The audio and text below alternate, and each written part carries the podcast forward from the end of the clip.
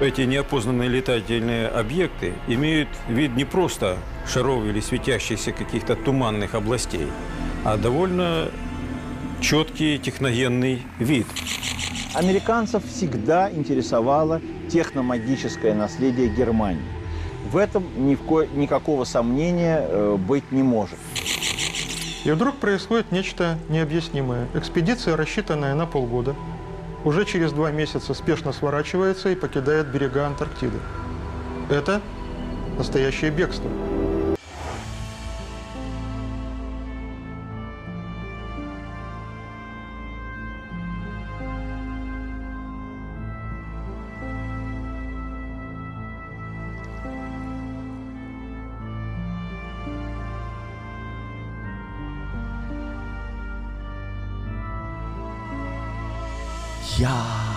Welkom weer.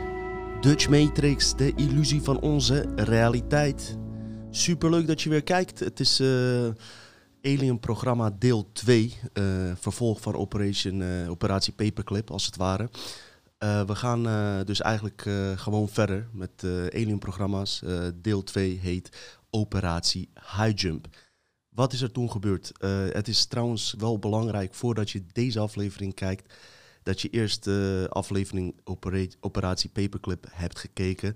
Puur voor het eh, inladen van je bewustzijn. Want eh, wat we nu gaan vertellen is iets simpeler om uit te leggen. Maar gaat wel een eh, stap verder. Zelfs richting science fiction. Dus ik zou dat zeker aanraden. Wat was op Operatie High Jump in 1947? Even kort vertellen wat Paperclip was. In, Operatie Paperclip besloten dus de Amerikanen om eh, eh, Duitse ex-naties naar Amerika te halen, omdat ze een ultramodern raketprogramma klaar hadden staan, waar eh, Rusland en Amerika nog geen eens bezig mee waren. En dat ging zo ver dat er ook zelfs vliegende schijven en dergelijke aanwezig waren, als het ware. Dat hadden de Duitsers dus al gemaakt. Terug naar High jaar later dus, besloot Amerika, Amerikaanse Navy, een expeditie te houden naar Antarctica. En waarom Antarctica? Omdat ze erachter kwamen dat Hitler daar dus ook al expedities deed en dat zich daar ook ehm, vreemde eh, dingen voor hebben gedaan. Daarnaast eh, eh, waren er twee onderzeeërs twee weken voordat de oorlog was afgelopen. Schijnbaar hadden ze gehoord eh, gevlucht eh, naar Antarctica. In die onderzeeërs za- zaten de grootste elite. Eén deel was ook naar, eh, naar Argentinië gevlucht. Dat verhaal ken je wel van de Grey Wolf documentaire, eh, Hitlers ontsnapping. Maar een deel was dus ook naar Antarctica gevlucht. En dat hoorden dus de Amerikanen. En onder mom van expeditie. Maar ondertussen hadden ze 5000 man aan leger, verschillende helikopters, gevechtshelikopters, panzervoertuigen.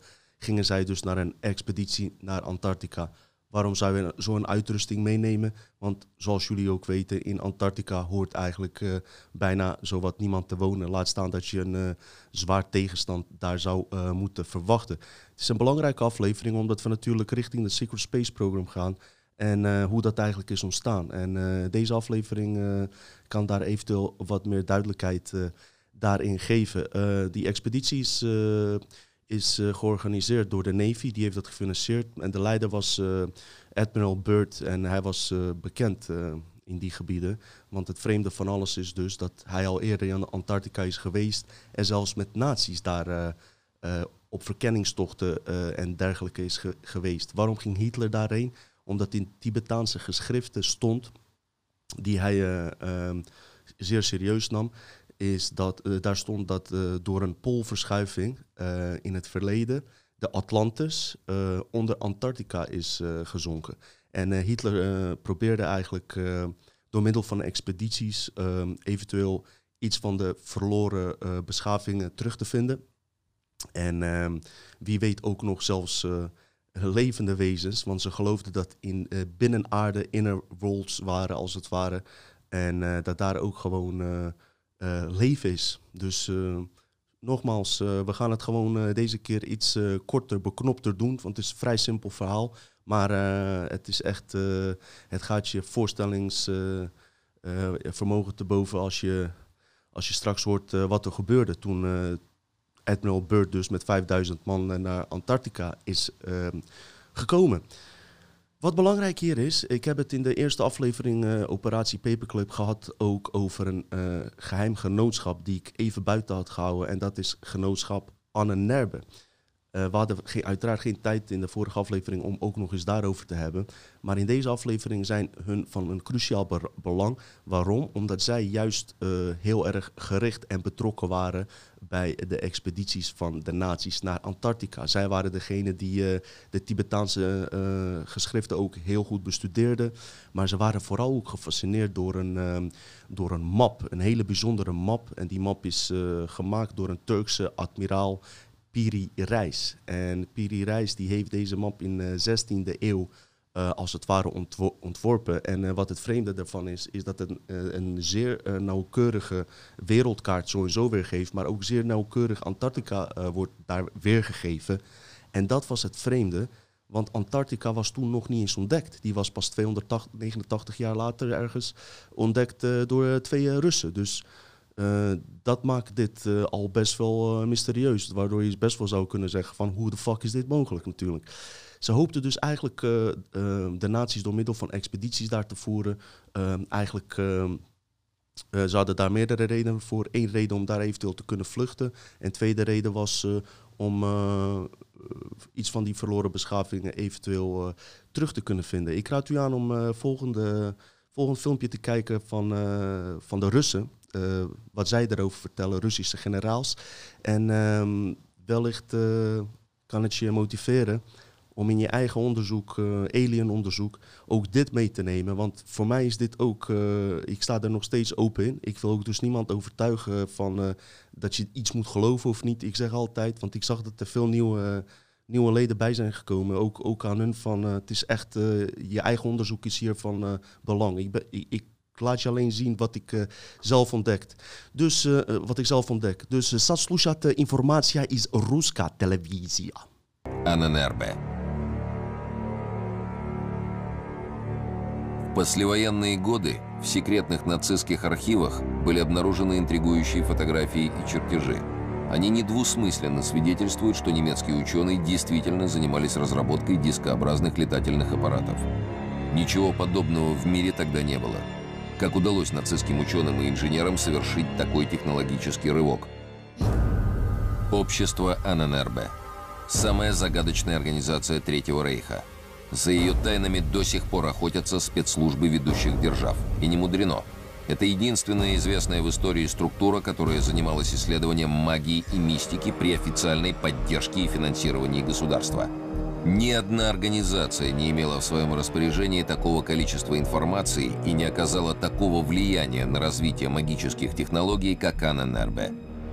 Инициаторами создания АННРБ были высшие чины Рейха. Исследование оккультистских знаний и паранормальных явлений – Э, в ННРБ пошло еще и с благословения рейхсфюрера СС Гиммлера, который действовал, естественно, не только по собственной инициативе, но и в русле указаний Адольфа Гитлера.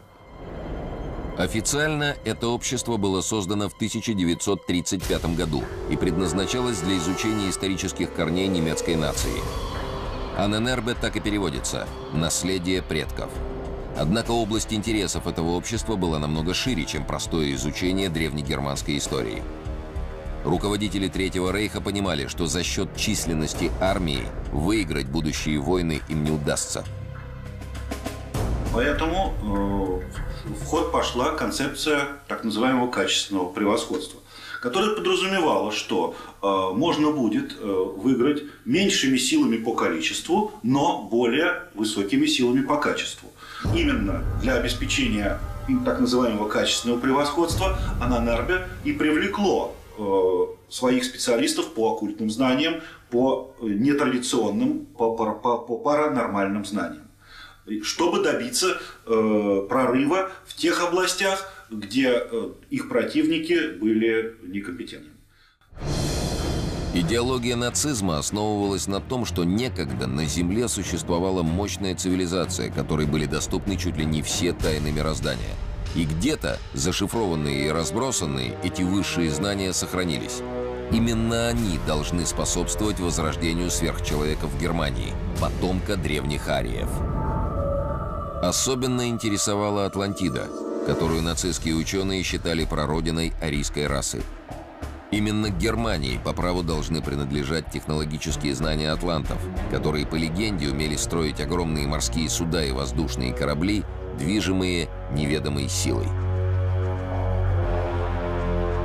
Искать э, тайные знания, искать э, знания по истории цивилизации, по истокам цивилизации, как германской, индогерманской, так и вообще любой цивилизации мировой, э, Аненербе начало сразу, еще до войны.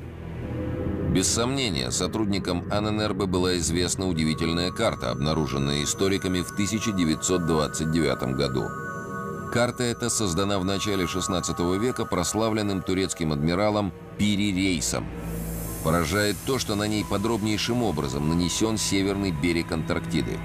И это за 300 лет до официального открытия этого континента. В заметках на карте адмирал сообщает, что он составил ее по многочисленным источникам, некоторым из которых было не менее трех тысяч лет. Но самое загадочное в другом. Береговая линия Антарктиды изображена без ледяного покрова.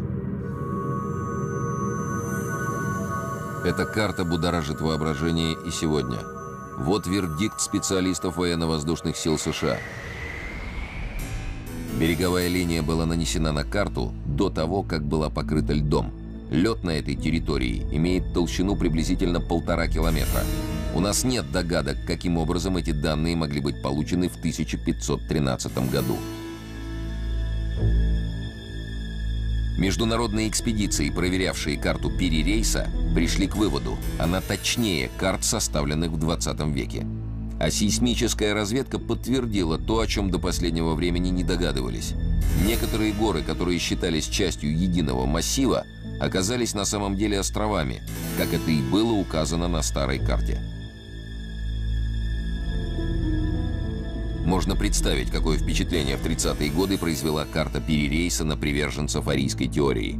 Прежде всего, она вселяла надежду в поисках техномагического наследия атлантов – ведь по одной из гипотез, Антарктида – это бывшая Атлантида, оказавшаяся подо льдом в результате смещения полюсов. Ja, en de, de Russen, wat mij opviel, hebben het ook over de technische magie van de Duitsers en van de Annenerbe. En uh, die praten daar gewoon openlijk over. Bij ons op de tv zie je dit soort dingen niet. Helaas uh, moeten we het op uh, deze manier doen. Moet je dus ook met mij doen.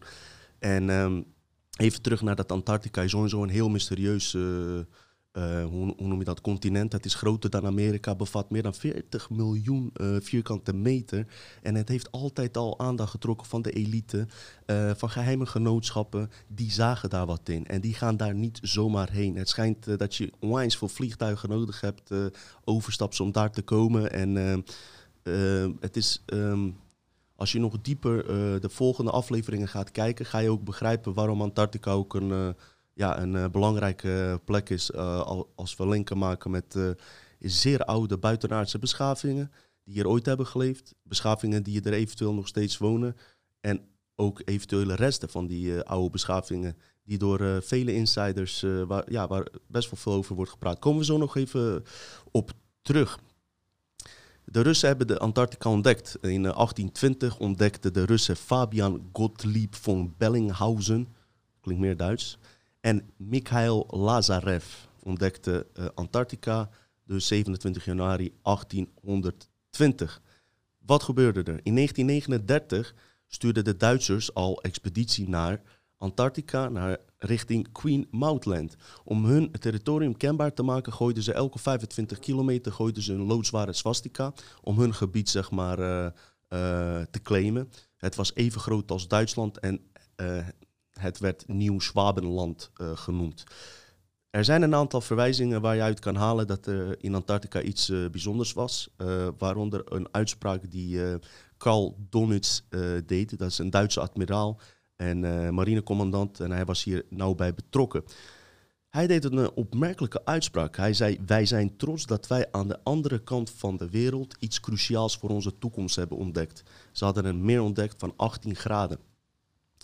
En uh, dat diende als een uh, goede, uh, door de smelting van het ijs van dat meer, ontstonden er volgens, volgens hem dit soort, wat hij publiekelijk vertelde, ontstonden er een soort van holle ruimtes binnen, waardoor ze zich goed kon, konden verstoppen. Dus oorlogsstrategisch. Hè? Maar je hoorde ook William Tompkins in die eerste aflevering zeggen dat de Draco Reptilians, zeg maar, een basis voor de Duitsers hebben gebouwd. Kijk, en daarom laat ik je hierin zelf open om dit ook zelf te onderzoeken. Dat ik je niet hierin hoef te sturen of iets dergelijks. Want ik leer hier ook nog steeds nieuwe dingen over. Um, eerder heb ik het al verteld. Uh, twee boten dus waren. On, twee onderzeeërs waren dus naar Antarctica gevlucht. En die zouden zich, dat dachten de Amerikanen, in Antarctica bevinden. En daarom waren ze zo zwaar bewapend in de operatie High Jump, wat begin 1947 gebeurde. Wat, wat er aan de hand was, het was een expeditie van, uh, die acht maanden zou duren. Maar vreemd genoeg kwamen de Amerikanen al na acht weken terug. de Amerikanen waren daar aangevallen. Ze waren aangevallen. En wat je nu gaat horen is gewoon, gaat nog ja, echt richting een science fiction film. Wat schijnt, en ik ga het straks toelichten, toen zij daar aankwamen, kwamen er uit het niks vliegende objecten, UFO's uit het water van alle kanten. Uh, gigantisch snel gingen ze en, en ze werden door hun gewoon aangevallen. En na, na 20 minuten waren ze eigenlijk al verslagen. Admiral Byrd, dus degene die die expeditie leidde, die moest al zijn logs en dergelijke moest die inleveren en alles werd geheim gehouden, waardoor eigenlijk wij hier nooit iets van af hebben geweten. Maar wat wel opmerkelijk is, is dat de expeditieleider Admiral Byrd 33 graads vrijmetselaar, al hoeft dat niks te betekenen. Het kan wel. Dus dat we niet elke keer als iemand vrijmetselaar is of wat dan ook, direct met, uh, met uh, bepaalde dingen linken. Goed, uh, positief of negatief, wil ik er even bij vermelden. Want je hebt overal goede en slechte mensen. Goed, hij was een 33 graads vrijmetselaar.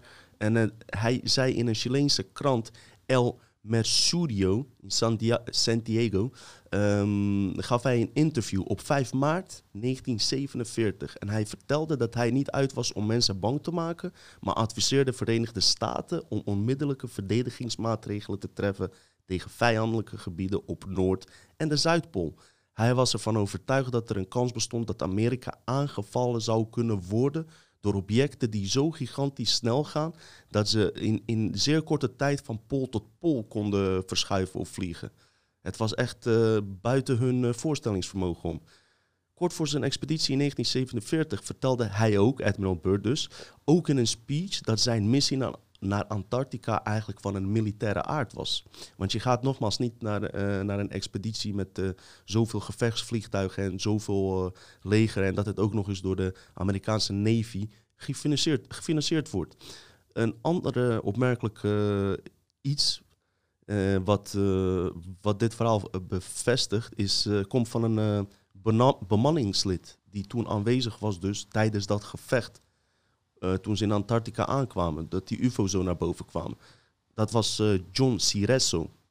En hij vertelde dit over het gevecht wat plaatsvond op 26 februari 1947. De vliegende schepen vlogen met een zeer hoge snelheid verticaal boven het water manoeuvreren tussen de masten van de schepen met zo'n snelheid dat de luchtstroom werd verstoord en de antennes van de radio er vanaf vlogen. De schepen konden in een mum van tijd van hoog uit de lucht ineens tussen ons op zee verschijnen en het leken net duivelse machines die vuur spuugden. Ineens zag ik het schip Murdoch zinken, nadat hij was aangevallen door deze objecten. De desastreuze aanval duurde 20 minuten en wij probeerden daarna maar te redden wat er te redden viel. Toen de objecten weer in het water waren verdwenen, dus terug het water in, begonnen wij uh, de, de schade te herstellen en te analyseren van wat de fuck is hier gebeurd. Kijk zelfs even wat, uh, wat de Russen hier uh, over te melden hebben. Generaals, insiders, mensen die nog steeds zwaar hoog zitten in de, in de Russische aerospace, de luchtmacht, noem maar op. Het zijn echt wel mensen die krediet, kredietwaardig zijn. En uh, moet je maar eens even horen wat hun te zeggen. Звание операция High Jump. Высокий прыжок. Подчинении адмирала Бёрда Мощная военно-морская группировка, авианосец, 12 надводных кораблей, подводная лодка, более двух десятков самолетов и вертолетов, около пяти тысяч человек персонала. Согласитесь, странный состав для научной экспедиции. 2 декабря 1946 года перед выходом эскадры в антарктический поход адмирал Бёрд на встрече с прессой заметил «Моя экспедиция имеет военный характер». О подробностях он не сказал ни слова. В конце января 1947 года началась авиаразведка антарктического континента в районе земли Королевы Мод. Все идет по плану. За первые недели сделаны десятки тысяч аэрофотоснимков. И вдруг происходит нечто загадочное. Экспедиция, рассчитанная на полгода, уже через два месяца спешно сворачивается и покидает берега Антарктиды. Это настоящее бегство. Потерян эсминец, почти половина палубной авиации, десятки матросов и офицеров. Членам чрезвычайной следственной комиссии Конгресса США адмирал Бёрд заявил буквально следующее. В случае новой войны Америка может подвергнуться атаке врага, обладающего способностью летать с одного полюса на другой с невероятной скоростью. Кто поверг в бегство американскую эскадру? За полтора года до экспедиции адмирала Бёрда летом 45-го в аргентинский порт Мар-дель-Плата вошли и сдались властям две немецкие подводные лодки. Необычные лодки. Лодки из состава так называемого конвоя фюрера. Это сверхсекретное соединение выполняло задачи, подробности которых до сих пор остаются в глубокой тайне. Экипажи подлодок показания давали неохотно.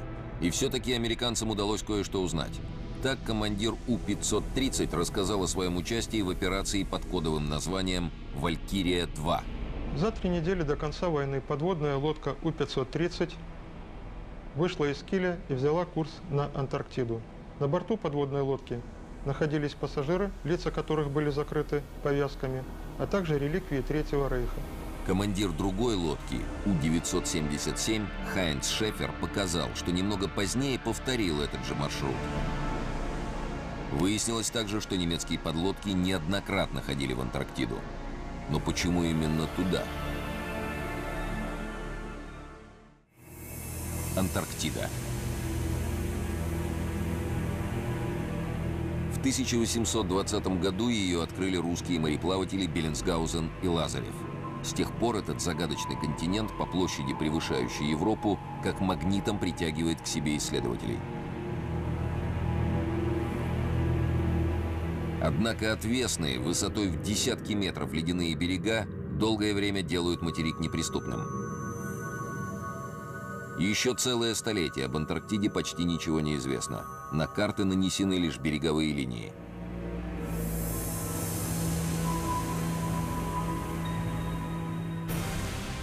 И вдруг к далекому и бесполезному ледяному континенту проявляет непонятный интерес Германия. На изучение Антарктиды выделены огромные средства. В конце 30-х годов организованы две научно-исследовательских экспедиции. И это перед войной, готовые разродиться со дня на день. С января 1939 года два самолета «Пассат» и «Борей», которые с помощью катапульт взлетают с борта Швабии, начинают разведку земли королевы Мод.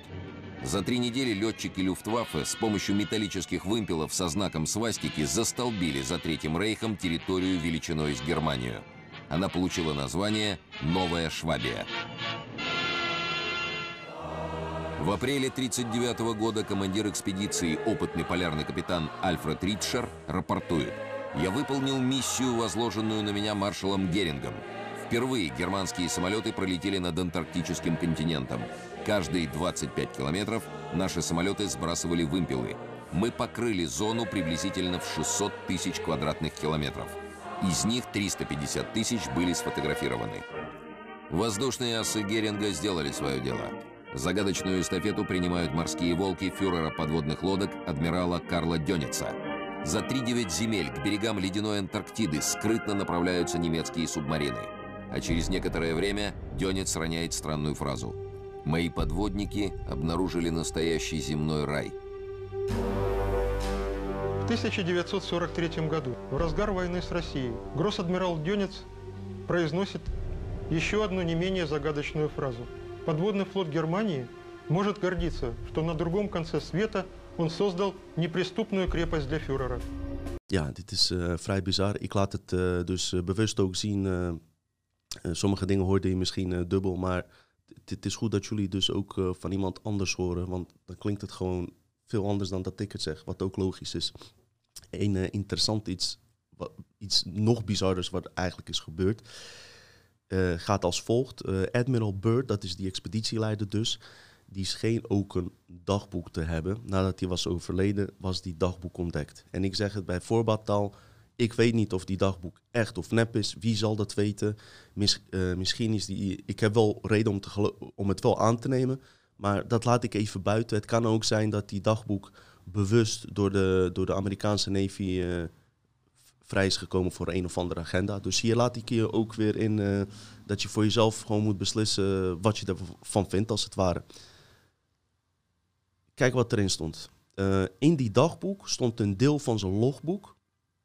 Toen, hij, toen ze in Antarctica waren, ook een expeditie deed. Dus hij heeft ook een soort, uh, soort van met zijn co-piloot even rondgevlogen om op ontdekkingstocht te gaan. Oké? Dit gebeurde 2 februari 1947. Ik moet dit dagboek in het geheim en vergetelheid schrijven. Het gaat om een vlucht Arctic van 19 februari 1947. Dus uh, eh, 19 februari 1947. Er komt een moment dat de rationaliteit van de mens moet verdwijnen om de waarheid te kunnen accepteren. Ik heb niet de vrijheid om de volgende documenten openbaar te maken en wellicht zal dit ook nooit naar boven komen. Maar ik voel mij verplicht om dit te doen voor de voor de mensheid. Wij, wij leven in een wereld van hebzucht en onderdrukking van de mens. De waarheid dient ooit te worden geopenbaard. Dit gebeurde tijdens een van mijn expeditievluchten in Antarctica. Wat ik ga doen, ik ga het uh, even kort vertellen, uh, vertellen uiteraard. Je kan zijn uitgebreide logboek op internet terugvinden, kan je alle details uh, terugzien. Dus ik ga er globaal doorheen om niet weer hele lange uitzendingen te maken. Al begrijp ik niet waarom mensen daar dat lang vinden. Anderhalf uur is, valt op zich wel mee. de deuren sluiten nu tien uur s'avonds. Wat moet je in godsnaam anders doen? kan beter dit soort programma's kijken, toch? Lijkt mij. Maar goed, ik uh, hou het lekker beknopt deze keer voor jullie hoor. Het is in principe gewoon in een goede tijd te doen. Um, hij vertrekt ochtends half acht, uh, checkt de radio, controle, alles. Ontvangst is normaal, supergoed. Er is een co-piloot met hem uh, aanwezig. Ze zijn uh, nou, bijna twee uur aan het vliegen. En op een gegeven moment begint de magneet, zowel de magnetische als gyrokompassen beginnen rond te draaien en te wiebelen. We zijn niet in staat om onze koers te houden door storingen in de instrumenten. En later was alles in orde. Maar toen al uh, gebeurden er vreemde dingen. Dus hij was uh, met het vliegtuig Antarctica aan het ontdekken. Maar wat gebeurde er vijf minuten later? Hij zit in de verte iets wat op bergen lijkt. Wat niet normaal zou moeten zijn. We hebben het over gesmolten bergen. Iets later weer ziet hij heel duidelijk gesmolten bergen en bomen en gras eromheen groeien. Hij kan het niet geloven. Hij zegt, is dit een illusie? Dit, dit hoort hier niet te zijn. Voorbij de bergketen is iets wat lijkt op een vallei met kleine rivier. Iets is absoluut abnormaal hier. Ik zie grote bossen met bomen die op bergen groeien. Onze navigatieinstrumenten draaien nog steeds. De gyroscoop oscilleert heen en weer. Nou, op een gegeven moment uh, vertelt hij dat ze in een uh, groen gebied komen waar veel gras was. Uh, daar vlogen ze boven. Hij merkte dat het licht daar anders, op andere manier schijnt. Hij kan de zon niet zien, maar toch schijnt er licht. Dat, zie, dat hoor je vaker terug over Antarctica. En we maken nog een bocht naar links. En hè, zegt hij tegen zijn piloot, zie ik daar een olifant? En zijn co-piloot die zegt, nee, nee, nee, dit is geen olifant. Ze kwamen eens dichterbij. Dit is een mammoet allemachtig, hoe, hoe de fuck is dat mogelijk? Verwijzend naar zijn co-piloot, uh, ja, die daar ook was. Die, die, die, ja, die, die, mensen stonden vol met tanden. Wat is hier aan het, uh, met volle tanden, bek vol met tanden, hoe je het ook zegt. Wat de fuck is hier aan de hand? We zien nog meer groene heuvels nu. Navigatieinstrumenten beginnen vreemd te doen. En op een gegeven moment zegt hij dat hij gewoon iets zit wat op een stad lijkt vliegtuig uh, lijkt licht uh, en vreemd drijven, of tenminste uh, gedraagt zich vreemd. En hij zit zelf ook om zich heen hele eh, vreemde type vliegtuigen vliegen. Ze zijn schijfvormig en hebben een stralend, stralend uiterlijk. Ze zijn nu dicht genoeg om ze beter te zien. En dit was om half twaalf. Het is een soort van swastika, wat ze zien als logo op die schijfvormige vliegtuigen wat hij noemde. Hij vond het fantastisch. Wie zijn dat? Wat is er gebeurd? Uh, hun hun, hun uh, besturingssysteem wordt compleet overgenomen, dus wordt extern bediend. Hij kan niks meer zelf doen. En op een gegeven moment komt er een boodschap binnen. En die gaat als volgt. Van iemand dus uit die stad. Dus we hebben het over Antarctica, waar helemaal geen steden horen te zijn. Hè? Welkom in ons domein, admiraal. Hij praatte met een uh, licht Germaans accent. Je zal precies over zeven minuten landen. Relax, admiraal, relax. Je bent in goede handen. De motoren van ons vliegtuig zijn ook volledig gestopt, zie ik. Het vliegtuig wordt volledig zelf bestuurd door een externe kracht en alles wat ik zelf probeer is nutteloos, werkt niet. Een nieuw uh, bericht komt daarna binnen dat de landing gaat beginnen. En dat ze nogmaals gewoon rustig kunnen blijven, dat er niks aan de hand is. Op een gegeven moment landen ze, komen verschillende mensen komen richting hun heen lopen. Ze hebben uh, blond haar, uh, blauwe ogen. Het waren super aardige mensen. Uh, de kleuren die hij zag in de stad waren een soort regenboogachtige kleuren. dat buiten je voorstellingsvermogen omgaat. Ik weet niet wat er nu gaat gebeuren, maar ik zie geen tekenen van naderend gevaar, zegt hij. Ik hoor nu een stem die bij, die mij bij mijn naam roept en vraagt om de deur te openen. Dat ga ik nu ook doen. En dat is einde log. Dus dat is wat hij opgenomen had in het vliegtuig. Nou komt er een tweede stukje wat in zijn dagboek stond. Dat heeft hij geschreven, dus uh, wat, wat niet direct uh, was genoteerd, maar wat hij zich nog herinnerde, wat er daarna gebeurde. Dus ze, werden, uh, ze, ze landden daar, ze werden daar ontvangen door blonde mensen met swastika-logo's noem maar op. Dus misschien kan je ook nu connecties maken met die eerste aflevering. En ja, gewoon een super ultra moderne stad. En dit verwijst ook weer naar die geschriften van die, die Tibetaanse geschriften die hier over schreven dat, dat er gewoon binnenwerelden dus bestaan. Onwijs bizar. Mensen die holle aarde hebben bestudeerd, ik heb dat niet onwijs gedaan, maar uh, die, die, die kunnen dit wel begrijpen waar ik het over heb. Dus er zijn meerdere. Wij zien maar een uh, bepaalde dimensie uit onze realiteit. Maar uh, er, zijn, er zijn binnenwerelden. In Turkije is er ook een jaar geleden onder de grond een, een stad gevonden met de gebouwen van zeven verdiepingen. Hoe leg je dat uit? Weet je wel? Is bizar. Dus um, vanaf dit moment schrijft hij dus alles wat hij zich herinnert, wat er daarna gebeurde. De, de radioman en ik komen uit het vliegtuig en wij worden op een zeer vriendelijke manier ontvangen. Um, ze worden aan boord gezet op een platformachtige transportmiddel zonder wielen. Het brengt ons met een grote snelheid naar de glimmende stad. De stad lijkt gemaakt van een kristalachtig materiaal. Daarna naderen wij een gebouw dat ik nooit eerder had gezien. Het, lijkt, het lijkt recht uit de tekenfilm van Frank Lloyd Wright, of beter gezegd uit Buck Rogers setting te komen. Dus het was gewoon ja, science fiction als het ware. We kregen een zeer lekker warm drankje dat ik ook nooit eerder had geproefd. Na tien minuten kwamen er twee gastheren en vroegen mij of ik hun wilde vergezellen. Ik kon niets anders dan ja zeggen en liet mijn radioman daarachter. Nou, uh, op een gegeven moment uh, vertelt hij uh, wat hij daar allemaal heeft gezien. Hij zegt, ik begin de omgeving te bestuderen. Dit is het mooiste wat ik ooit in mijn bestaan ooit heb gezien. Het is in feite te mooi en wonderbaarlijk om te beschrijven. Het is prachtig en delicaat. Ik denk niet dat er een menselijke term bestaat voor, voor zoiets, hoe mooi dit is, om het uh, op een menselijke manier uit te leggen. Hij werd ontvangen door een gastheer die zei: Ik heet u van harte welkom in ons domein, admiraal. En die gast die zat aan een uh, lange tafel en hij vroeg hem om, ook om daar eens te gaan zitten. En hij zei het volgende: We hebben je hier laten komen omdat je een nobel karakter bent en bekend bent in dit gebied. Je bent in het domein van de Ariani, de, innerlijk, de binnenwereld van de aarde. Wij zullen je missie niet lang uitstellen en je zal veilig terug naar je basis worden begeleid. Maar ik zal je eerst even vertellen waarom je hier bent, admiraal.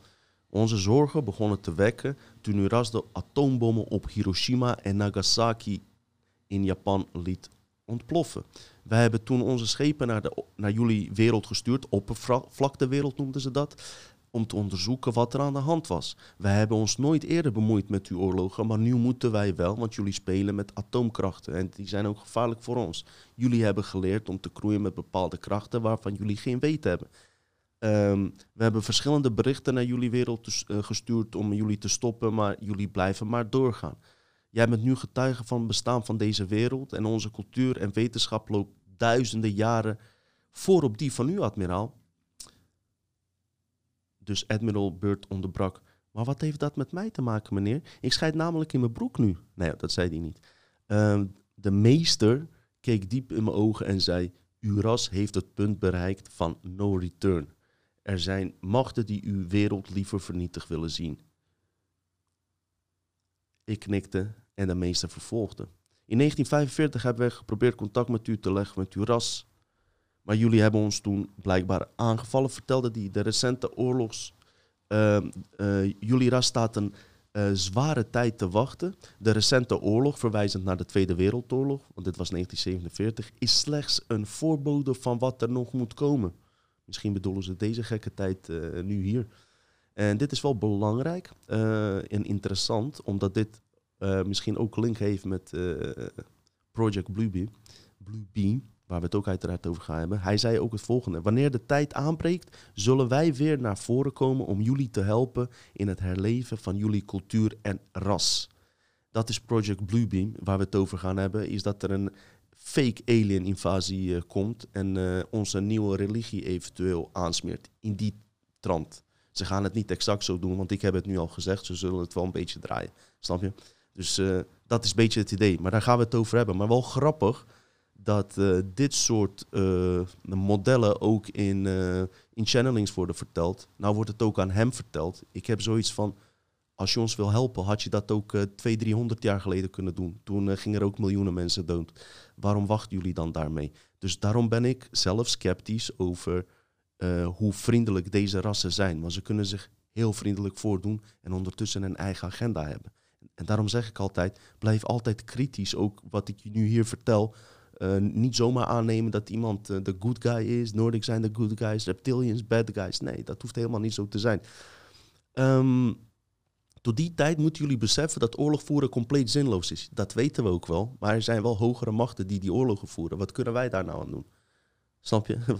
Niemand wil oorlog. Er zijn een paar mensen die het willen en die het voor de hele fucking wereld verneuken. Ik vraag aan jou, mijn zoon, om dit bericht aan de aardse wereld te verspreiden. Nou ja, hij heeft het op die manier gedaan. Ik hoop het uh, via deze podcast aan jullie door te geven. En nogmaals, kijk voor jezelf wat je ervan vindt. Ik weet ook niet wat ik hiervan moet vinden. Ik werd daarna uh, weer door twee gastheren begeleid naar mijn radioman. Ik was nog steeds in een zeer stomme verbazing geslagen. Ik zei niks. Dit alles was bijna niet te geloven. De geluidsman had een angstige blik in zijn gezicht. Ik zei tegen hem: Het is in orde, Howie. Het is allemaal goed. Nadat de ladingsdeur uh, was gesloten, werd het vliegtuig onmiddellijk opgetild door die onzichtbare kracht. Totdat we een hoogte van 2700 voet hadden bereikt, uh, hadden ze ons uh, soort van lo losgelaten en konden ze met een uh, eigen, eigen besturings op ouderwetse manier verder. Want toen ze dus daarvoor aankwamen, werd hun vliegtuig gewoon extern overgenomen. Een soort van een, met een externe joystick bewijzen van bediend. Dus hij vertelde ook details dat ze met een soort van onzichtbare liften naar boven en naar beneden gingen. Dat vind ik wel interessant, omdat ik dat ook van anderen in insiders en klokkenluiders die bij de Amerikaanse militaire complex hebben gewerkt, eigenlijk hetzelfde hebben horen zeggen. Dus dat is wel interessant. Dus dit was een ervaring van Admiral Byrd. Nogmaals, ik ga nu nog voor de derde keer. Het is gewoon open aan jezelf wat je ervan moet vinden. Ik, ik blijf kritisch op alles. Het zou heel goed kunnen zijn dat dit gewoon een, zijn originele log zijn. Maar ja, wat, wat de werkelijke agenda is, is zo ingewikkeld. Maar ik kan je wel vertellen dat dat boven Trump dus die mensen die, die komen we straks nog op terug, op Majestic 12, want die is ook eigenlijk ontstaan uh, na Area 51 Roswell incidenten. Dat zijn op een gegeven moment, ja, hoe moet dat zeggen, die groepen zijn zo intelligent. Dus zelfs als er iets vrijkomt waarvan je denkt van, hey, dit is wel heel erg interessant voor de mensheid, kan het wel op een hoger level alsnog dino-monster misleiden. Dus kijk hier altijd goed mee uit, dat wilde ik. Kijk, en um, in principe heeft deze aflevering niet zo gek veel um, documentaties en uh, bewijsmateriaal als uh, de eerste aflevering. Maar toch zijn die aantal dingen al heel erg interessant. Het zijn toch weer ervaringen eh, van mensen en getuigenverklaringen van mensen die erbij waren. Eh, je zag die eh, Russische generaals, die gaan daar ook echt niet zomaar over praten. Wie weet wat voor agenda het ook voor de Russen heeft om dit te zeggen. Want ook zij hebben eigen nazi-doktoren in Tweede Wereldoorlog meegenomen, zodat zij hun ruimteprogramma kunnen bouwen. Dus dat laat ik dus echt compleet open aan jou. Wat ik wel interessant vind, is dat daarna de UFO-verschijningen ineens kwamen. Want als je kijkt naar de tijdlijn, dus je hebt Operation uh, Paperclip 1946, Operatie High Jump 1947, februari. Een aantal maanden later kreeg je het Roswell-incident, crash. Drie uh, type uh, UFO's crashen in Roswell in een perfecte driehoekshouding. Is dat toeval? Heel vreemd. Daarnaast heb je hele interessante documentairemakers uh, of uh, journalisten zoals Linda Moulton Howe, die uh, award, award-winnende journalist is zij, wat die eigenlijk eerst mainstream werk deed, maar 30, 40 jaar zo, geleden zo gefascineerd raakte door het UFO-fenomeen, waardoor zij echt, echt dingen ehm, naar voren heeft gebracht die heel erg interessant zijn. En ook zij heeft het over volgens mij jaar, anderhalf jaar geleden had ze twee insiders van de Navy, dacht ik. Ja, Navy van de Amerikaanse marine. Die uh, vertelden dat ze in Antarctica waren en gewoon uh, in gebouwen waren onder het ijs. Met gigantisch grote deuren. Je hoefde ze maar één keer aan te raken en die deuren gingen een soort van automatisch open. Daarin zagen ze Egyptische hieroglyphen en resten gewoon van buitenaardse beschavingen. En ik, ik heb haar best wel hoog zitten, die Linda Moltenhau. En zij gaat ook niet zomaar dit doen om uh, aandacht te trekken. Maar wat de hogere agenda is, weet ik uiteraard niet. Dit is wat uh, een van hun vertelde. Er is een enorm geheim verborgen diep onder het Antarctische ijs. Ooggetuige Navy Spartan 1 liep door groene gloeiende gangen met uitgehouwen mysterieuze hieroglyphen. Marine Spartan 2 zegt dat dezelfde symbolen op de maan en Mars staan. Maar ja, daar komen we nog hoor. We moeten het uh, rustig opbouwen. Want uh, nazi's zijn ook nog eens op de maan geweest. Dus daar gaan we ook nog even, uh, even, even heen. Maar moeten het even rustig opbouwen. Dus bij de klokkenluiders vertellen verslaggever Linda Multenhau dat humanoïde aliens de aarde en ons zonnestelsel al miljoenen jaren hebben gevangen gezet.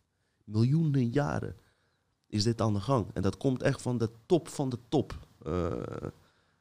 deze informatie, zeg maar. We hebben Corey Good. Ik uh, ben niet uh, een, per se een fan van Corey Good, puur door het feit dat, dat ik denk dat hij ook wordt misleid. Maar ik geloof wel datgene wat hij heeft meegemaakt. Dat is, hij zegt dat hij een insider is geweest. En, en ehm, tenminste, hij zegt dat hij bij de Secret Space Programs heeft gewerkt. En als insider naar buiten komt. En hij vertelde dat hij in Antarctica is geweest naar die werelden en dat hij uh, gewoon ook rondleiding heeft gekregen. En daar tot in diepe details uh, heeft hij het daarover. Ik zal toch een link erbij zetten. Volgens mij heet hij Antarctic Atlantis. En dan geeft hij een presentatie met David Wilcock. Alleen ik denk zelf dat, dat hun gemanipuleerd worden. Maar desalniettemin is het wel interessant, want ook voor QAnon-fans. Want Corey Good schijnt dan directe informatie van de Alliance te krijgen. En hij is eigenlijk zwaar naar zijn eigen zeggen betrokken bij het uh, QAnon-fenomeen, zeg maar. Dus uh, ook voor QAnon-fans is interessant, is interessant om naar hem te kijken. Velen van jullie weten natuurlijk ook wie hij is. Dus puur voor mensen die hier weinig van af weten. We hebben William Tompkins, die in je eerste aflevering zag. Die klokkenluider die bij de Navy zat. Die vertelde dat, dat de reptiliaanse draco's de, die basis voor Hitler hebben gemaakt zelfs. Dat is wat hij vertelde. We hebben Emery Smith. En uh, dat is een uh, ja, uh, Bob Lazar in het kwadraat, ook een gedocumenteerde insider. En hij gaat eigenlijk, over hem gaan we het ook zeker hebben hoor. Want um, hij werkte in ondergrondse faciliteiten, alien autopsies heeft hij gedaan. En je moet hem echt een keer horen om dit gewoon even te kunnen beseffen van wat de fuck is hier aan de hand. Maar als iemand zo gedetailleerd door het praten uh, ja, dan moet je ook maar zelf uh, voor jezelf besluiten uh, wat je ervan vindt. Maar ook hij vertelde dat hij niet zelf in Antarctica is geweest, maar wel documenten heeft gezien in ondergrondse faciliteiten. En mappen, in mappen heeft gebladerd waar hij gewoon heeft gezien dat die steden in Antarctica inderdaad bestonden. En ook hij had het over oude hieroglyphen. Hij zegt, soms leek het net of je in een Egyptische piramide zat eh, als je de eh, ja, eh, symbolen en dergelijke zag, eh, leek het heel erg daarop. Dus ze, beve- ze bevestigen allemaal dit verhaal, die klokkenluiders. En nog vele andere onderzoekers die er zijn. Je, hebt die Russen net gehoord. Dus wat er eigenlijk toen is gebeurd en hoe de Secret Space Program eigenlijk is eh, ontstaan, volgens velen van hun, en dit vertel ik even beknopt. Dus wij, Amerikanen zijn daar geweest, Operation High zijn aangevallen. Maar in onze aardsleven hebben de Amerikanen gewonnen, toch? Dus wat er toen gebeurde, eh, was even heel kort gezegd, zijn de hoogste mensen die, eh, die dus boven Trump staan, Majestic 12, beetje die type eh, mensenachtig, naar voren geschoven. Dus topgeneraals, top van de top. Gewoon eenheden die niet eens logo's hebben, snap je? Die, die niet eens een naam hebben. Die hebben een deal ook met die, schijnbaar, met die eh, reptilianen gemaakt. Want die hebben, en, en de SS'ers, de Duitsers, die hebben gezegd van... Je, je ziet, als wij willen, kunnen we heel Amerika met dit apparatuur kunnen we gewoon kapot maken. Dus eh, we stellen voor dat, je, dat jullie gewoon samen met ons werken. En eh, dat we, zij kunnen op die manier dus hun agenda gewoon voortzetten. Ze verhuizen het, eh, de, de faciliteiten gewoon. Area 51 is dan ontstaan. 1951 past ook heel mooi bij de tijdlijn. En nog veel meer andere ondergrondse faciliteiten. Als we het over Emery Smith eh, een keer gaan hebben, dan eh, ga je daar ook onwijs bizarre dingen over horen. Dus eh, daarom was Amerika ook misschien een soort van verplicht om al die eerder genoemde naties eh, zulke goede functies te geven. Daarom was Amerika eh, verplicht, onlangs dat de CIA wist dat Hitler ontsnapt was, om gewoon onderzoek stop te zetten.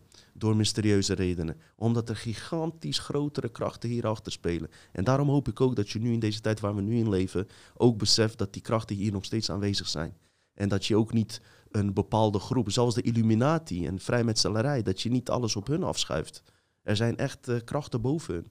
En ik vind het belangrijk dat dat benoemd wordt. Wat je daarmee doet is uiteraard aan jezelf.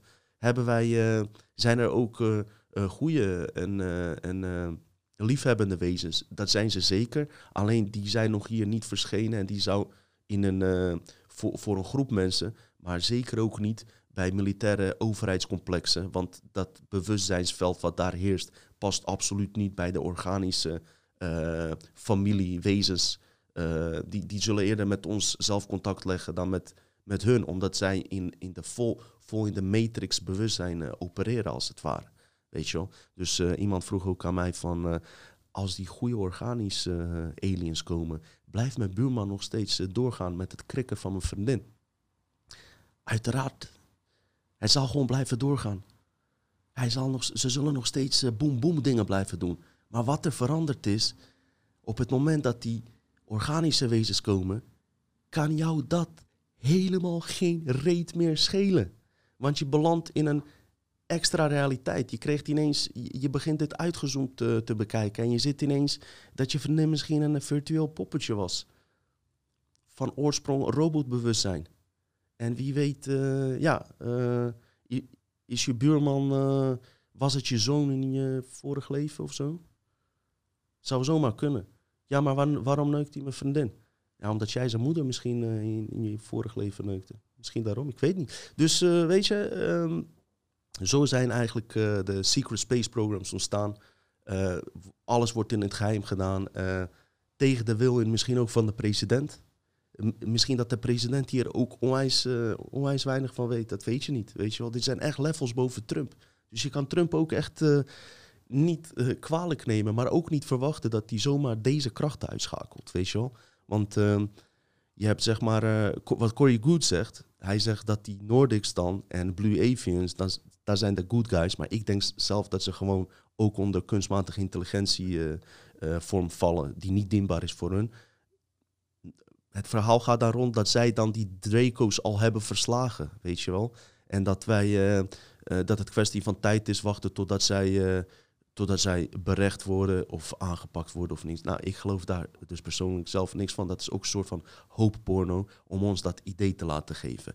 Maar we leven wel in een spannende tijd, want mensen beginnen gewoon op een grote schaal wakker te worden. Ook dit UFO, UFO-onderwerp, eh, tot mijn grote verbazing ook, dat die eerste aflevering eh, zo, eh, ja, weet je wel, zo interessant voor mensen was, zegt ook wel wat, weet je wel. En wat ze dan gaan doen, ze, ze gaan wel iets doen om ons alsnog te misleiden. Dat zou die Project Bluebeam kunnen zijn. Dus dat er via uh, holografische verschijningen over de wereld gewoon uh, eigenlijk holografisch uh, de meesters, opgestegen meesters of Jezus of wie dan ook zich laat zien en zeggen van we gaan een, een nieuwe religie vormen, want jullie hebben die oude religies niet, niet begrepen. Dat is een beetje dat idee van, van het Project Bluebeam, waardoor je eigenlijk in, echt in een nieuw wereldorde komt, dus ook qua religie.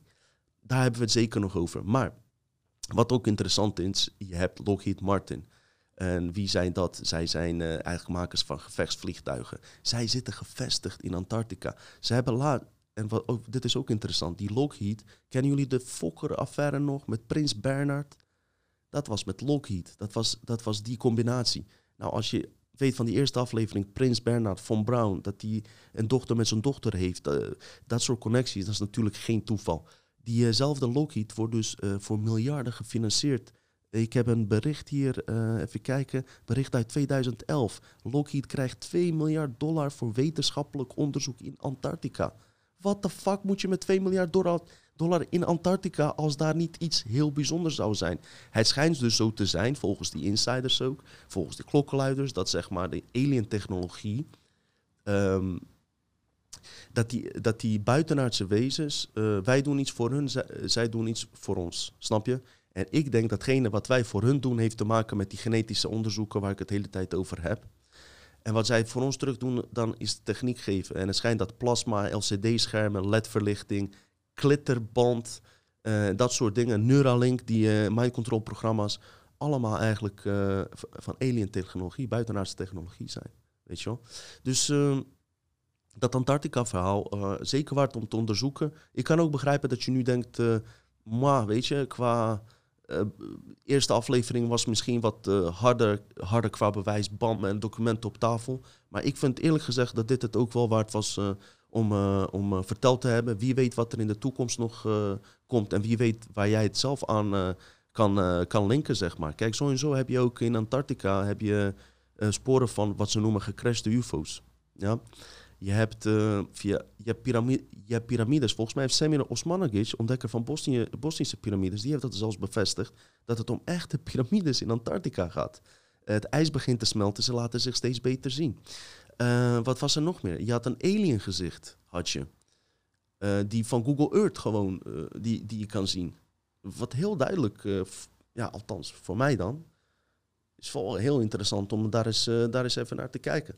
Dus ehm, uh, wat ik ook hier uh, bij deze eigenlijk uh, meteen wilde melden. We gaan gewoon nu weer met de tijdlijn verder. Dus bij de volgende aflevering komen Simon en Ernst. Dan hebben we het over Mandela-effect. Kom ik zo nog op terug. Maar daarna gaan we naar de Roswell-incident. Want dat loopt heel mooi in een tijdlijn door.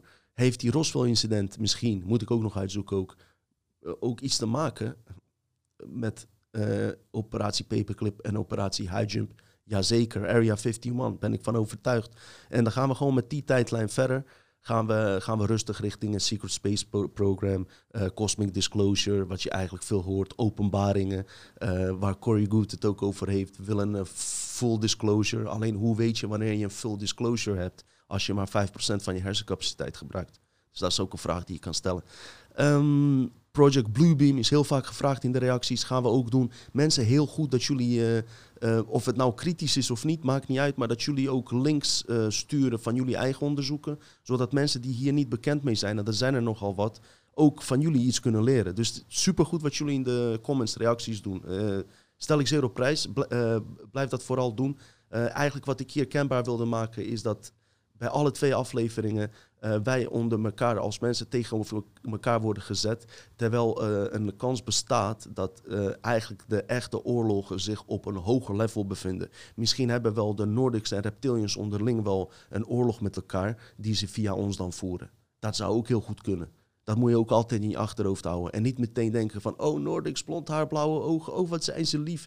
En reptilianen, uh, die, die zien er heel vreemd uit. Dat zijn de, de agressievelingen. Nee hoor, dat hoeft dus helemaal niet. Er zijn reptiliaanse uh, rassen, heb ik gehoord, die gewoon uh, supergoed met mensen zijn. En er zijn genoeg uh, die, die, die, die, super slecht kunnen zijn. Dus weet je, probeer, probeer dat racistisch, om zo maar te zeggen, even, even buiten, buiten te houden. Hebben we nog iets wat ik kan melden? Jazeker. Um, we gaan de volgende aflevering even een keer lekker weer met z'n drieën maken. Ik vind het ook een beetje saai in mijn eentje elke keer hier. En uh, Ersan stond te popelen om een onderwerp te doen. Mandela-effect. En zo, heb ik, zo ben ik met Ersan überhaupt samen terechtgekomen uh, in dit onderwerp. En ben ik op het idee gekomen om, om hem ook hierheen te halen. Want hij was niet met complotten bezig, maar Mandela-effect komt hij wel. En Mandela-effect is weer iets heel anders, maar heel interessant. Het gaat over um, dingen die in onze verleden zijn veranderd. Dus als jij ervan overtuigd bent dat in die ene uh, cartoon dat meisje zegt van mirror, mirror on the wall, als jij zeker weet dat dat het geval was, dat was dus niet gebeurd. Ze heeft gezegd magic mirror on the wall. En dat soort dingen waarvan jij 100% zeker weet dat het zo was, ineens niet zo blijkt te zijn. Ook al pak je oude dvd's erbij, noem maar op dan uh, heb je ook zoiets van, hey, uh, wat is er met die tijdlijnen aan de hand? Als we in een matrix uh, leven, kunnen dan ook de tijdlijnen net als in een spel worden aangepast. Het is een eigenlijk heel simpel onderwerp om uit te leggen, maar um, um, het, is een groot vraagteken. En ik zou je zeker aanraden om daar eens ook naar te kijken. Het is weer een andere type aflevering. Simon is erbij, dus dan zijn we lekker met z'n drieën. Simon, Ersan en ik dus. Daarna gaan we uiteraard ook verder met het vervolgen van, uh, van Alien eh, Programs. Dus dan gaan we gewoon met Roswell verder, deel 3. En we bouwen het rustig op. Er zijn nog genoeg klokkenluiders, genoeg interessante mensen die, die het hierover hebben. We kunnen, we kunnen echt voor komende paar jaar zat afleveringen vullen. Mensen, superleuk dat jullie hebben gekeken. Ik stel het echt op prijs. Um, wat ik verder wil zeggen, nogmaals voor allerlaatste keer... al, al mijn afleveringen is puur voor het inladen van je bewustzijn eh, eh, de, de rest is je eigen onderzoek. Jij moet dat zelf gewoon eh, als persoon vinden. En dat is voor, ieder, voor iedereen anders, weet je wel. Dus dat wil ik er graag bij vermelden, zodat niet, mensen niet denken dat ik iemand een of andere geloofssysteem wil aansmeren of niet. Ik wil juist het tegenovergestelde doen, is al die geloofssystemen die in je zitten, probeer eens even voor, voor een uurtje dat je naar mij kijkt aan de kant te zetten en met een open mind, hart te observeren. Hey, superleuk voor het, dat je kijkt en binnenkort zie je ons dus verschijnen. Groetjes.